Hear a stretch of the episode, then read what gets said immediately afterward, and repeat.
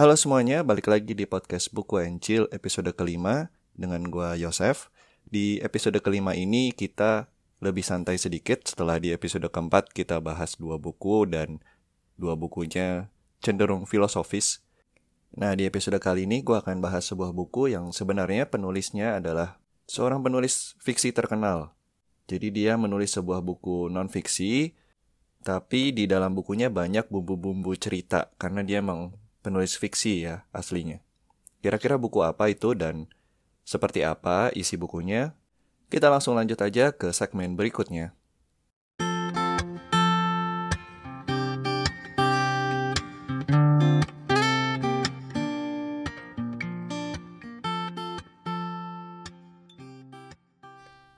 The first rule of Fight Club is you do not talk about Fight Club. The second rule of Fight Club is You do not talk about Fight Club. Kutipan tersebut datang dari salah satu film yang paling gue suka. Buat kalian yang sudah pernah nonton filmnya, udah pasti tahu kutipan itu dari mana. Dan buat kalian yang belum nonton, kalian ngapain aja di hidup ini? Langsung aja dicari nama filmnya Fight Club. Nah, kenapa gue tiba-tiba bahas film? Apakah podcast ini akan berubah jadi film and chill? Bukan, bukan itu alasannya. Fight Club memang terkenal karena filmnya. Tapi sebenarnya film tersebut dibuat berdasarkan sebuah novel dengan judul yang sama, karangan Chuck Palahniuk. Di episode kali ini gue akan bahas sebuah buku yang ditulis oleh Chuck Palahniuk, tapi bukan Fight Club. Karena ya, tentu saja Fight Club itu kan buku fiksi. Chuck Palahniuk menulis sebuah buku non-fiksi berjudul Consider This. Mungkin versi bahasa Indonesia-nya jadi Coba pertimbangkan hal ini. Buku Consider This menceritakan mengenai pengalaman dari Chuck Palahniuk selama hidupnya, terutama pengalaman-pengalaman yang mengajarkan dia tentang hal-hal yang perlu diperhatikan dalam menulis sebuah novel. Tapi buat kalian yang sudah nonton Fight Club atau pernah baca bukunya, tentu tahu gayanya Chuck Palahniuk ini kalau dia menulis novel atau menulis cerita pendek, itu ceritanya nggak pernah biasa aja malah cenderung ekstrim sampai mengganggu pemikiran kita sebagai pembaca. Nah, waktu gua pertama kali lihat buku ini, sebenarnya gua agak kaget karena Chuck Palahniuk menulis sebuah buku non-fiksi, itu bakal kayak apa jadinya. Gua nggak tahu sama sekali mesti expect apa. Dan ternyata memang buku ini terasa sangat berbeda daripada buku non-fiksi lain.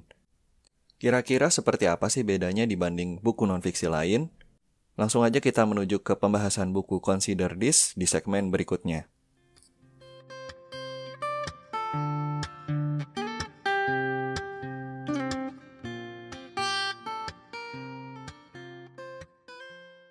Kalau kita pikir-pikir memang menulis buku seperti ini rada tricky ya, karena kan buku ini ingin menceritakan saran-saran gimana sih caranya kita bisa menulis sehingga menarik perhatian orang. Jadi, kita bisa buktikan sendiri apakah buku ini menarik perhatian kita atau enggak. Dan menariknya memang teknik-teknik yang disarankan itu memang dipakai di buku ini dan berhasil sih kalau menurut gua. Untuk setiap chapter buku ini kira-kira ada polanya, seperti ini. Sebuah chapter terdiri dari beberapa bagian. Masing-masing bagian merupakan saran-saran yang terpisah. Setiap bagian dimulai dengan sebuah pertanyaan ataupun pernyataan yang melatar belakangi saran yang ingin diberikan. Sebagai contoh, di chapter yang membicarakan mengenai authority, atau kira-kira bagaimana seorang penulis bisa membuat pembaca itu percaya bahwa cerita yang dia sedang baca adalah hal yang mungkin. Seberapa nggak mungkin pun cerita tersebut.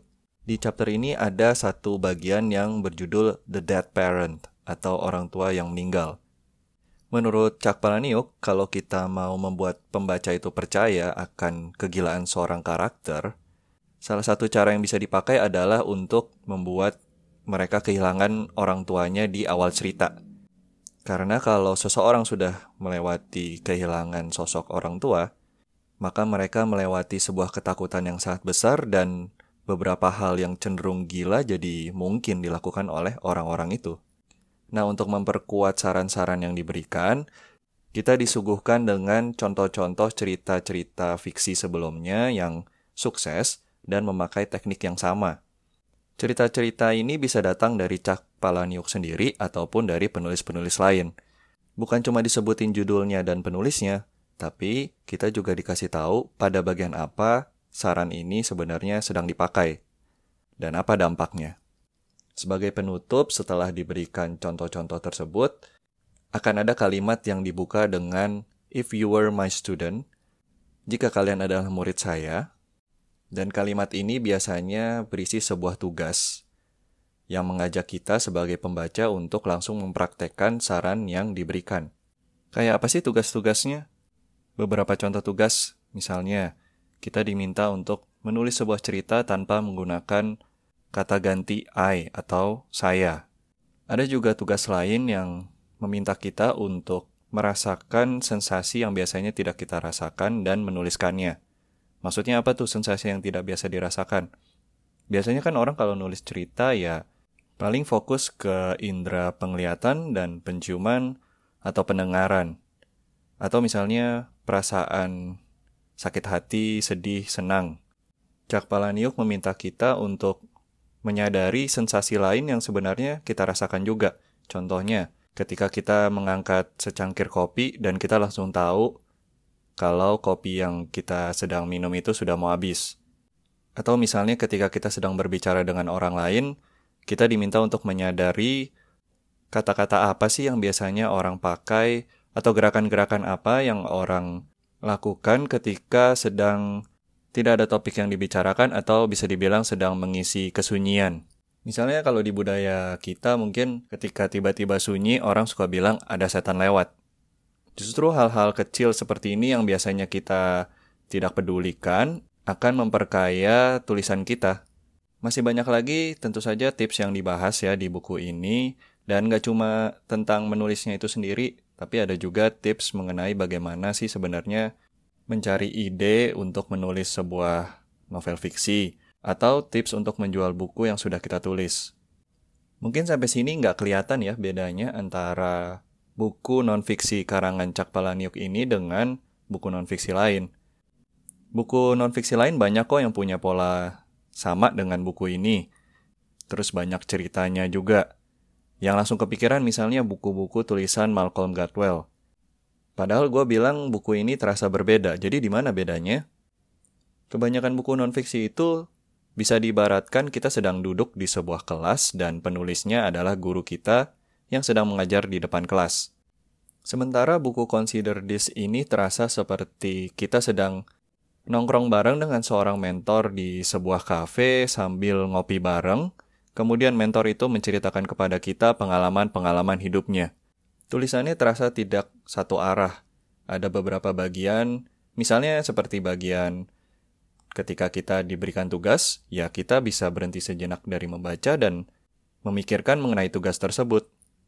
Walau gue nggak sampai benar-benar melakukan tugasnya, tapi paling nggak memikirkan aja tuh udah cukup menjadi latihan dan menurut gue akan lebih mudah mengingat saran-saran yang diberikan daripada sekedar membaca saran tersebut dan cerita aja. Ceritanya juga kebanyakan merupakan cerita si Cak Palaniuk itu sendiri. Di buku ini dia banyak bercerita ketika belum menjadi seorang penulis terkenal dan dia masih tergabung dalam sebuah komunitas menulis yang memiliki mentor dan juga rekan-rekan seperjuangan. Jadi enaknya di buku ini kita tidak terasa seperti digurui. Terakhir yang tidak kalah penting, Perbedaannya di sini saran-saran yang diberikan itu tidak klise.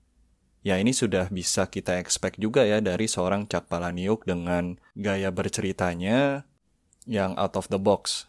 Contoh aja saran yang dia berikan soal dead parents. Kalau kita pikir-pikir kan itu bener banget. Dan gue sampai kaget kalau baru sekarang gue sadar. Coba aja pikir apakah ada anak seorang kaya yang punya warisan banyak banget malah memilih untuk berkostum kelelawar, berlatih bela diri, dan memilih untuk memburu penjahat-penjahat yang berbahaya sampai taruhannya nyawa. Cerita yang agak absurd ini kita jadi percaya karena orang tua dari Bruce Wayne yang adalah Batman terbunuh di awal cerita. Atau seorang remaja yang masih duduk di sekolah SMA tiba-tiba dapat kekuatan super setelah digigit laba-laba dan malah memutuskan menggunakan kekuatannya untuk membasmi kejahatan. Ya betul, gue sedang cerita tentang Spider-Man alias Peter Parker Dan entah berapa kali gue sampai bosen melihat Uncle Ben, sosok orang tua dari Peter Parker, mesti terbunuh berkali-kali di layar kaca dan di komik. Ternyata semua itu adalah cara dari penulis untuk membuat cerita yang mereka tulis itu makin dipercaya. Dan sebagai pembaca kita bisa berempati atas keputusan yang dibuat karakter-karakter tersebut. Tentu saja ini contoh yang gue terpikir sendiri ya, bukan dari bukunya. Tapi sejak membaca buku ini, gue jadi terpikir banyak hal-hal yang sebelumnya nggak gue pikirin. Jadi memang tepat sekali judul buku ini, Consider This. Cak Palaniuk intinya ingin memberitahukan kepada kita hal-hal yang dipakai oleh penulis, biasanya yang kita cuekin, tapi sekarang dia ingin kasih tahu ini loh yang membuat sebuah cerita menarik dan siapa tahu kita juga bisa memakai trik-trik tersebut. Oke, kira-kira sekian isi dari buku Consider This karya Cak Palaniuk. Di segmen terakhir, gue akan membahas mengenai apakah gue merekomendasikan buku ini atau tidak.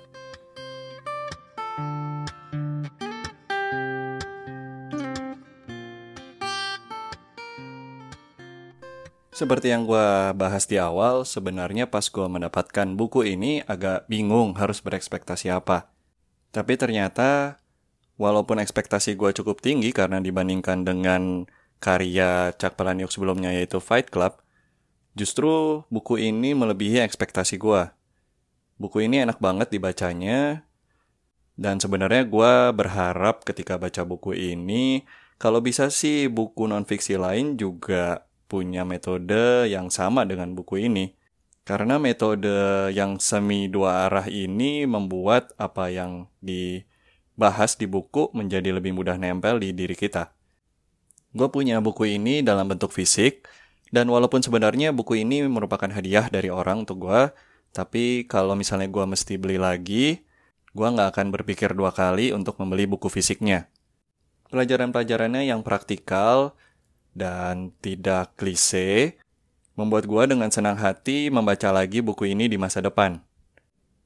Oh iya, walaupun buku ini ditujukan untuk orang yang ingin menulis novel fiksi, tapi menurut gua buku ini juga punya banyak tips and trick yang bisa diterapkan ketika kita ingin menulis apa pun. Karena secara umum buku ini tidak spesifik tentang menulis sih, tapi lebih ke storytelling atau bagaimana membuat kita bisa bercerita dengan lebih menarik. Selain untuk bercerita, Sebenarnya buku ini juga memberikan banyak pencerahan. Wah, pencerahan apa tuh? Ketika membaca buku ini, kita jadi punya perspektif baru dalam menikmati cerita fiksi, baik ketika menonton film atau ketika membaca novel fiksi. Kita jadi tersadar akan cara-cara yang secara umum dipakai oleh penulis dan kita jadi lebih mengapresiasi cerita-cerita tersebut dan juga pengalaman kita ketika menikmati cerita semakin dalam. Cukup sekian dulu untuk episode kelima ini. Seperti biasa, gue terbuka dengan saran dan kritik. Boleh juga kalau mau memberikan komentar mengenai review yang gue lakukan atau tentang buku yang pernah gue bahas, bisa kirim email ke bukuencil at gmail.com, b u k u a n c h i l l at gmail.com. Bisa juga DM Instagram di at podcast buku encil, ejaan yang sama tapi di depannya ditambahin podcast. Kalau mau suaranya tampil juga boleh, bisa kirimin aja voice note ke Anchor. Siapa tahu ada yang mau nih nemenin gua ngomong daripada gua ngomong sendiri terus. Terima kasih banget untuk yang udah dengerin episode ini sampai habis, atau bahkan untuk yang sudah dengerin dari episode 1. Semoga belum bosan dengerin suara gua, dan nantikan episode ke-6 ya.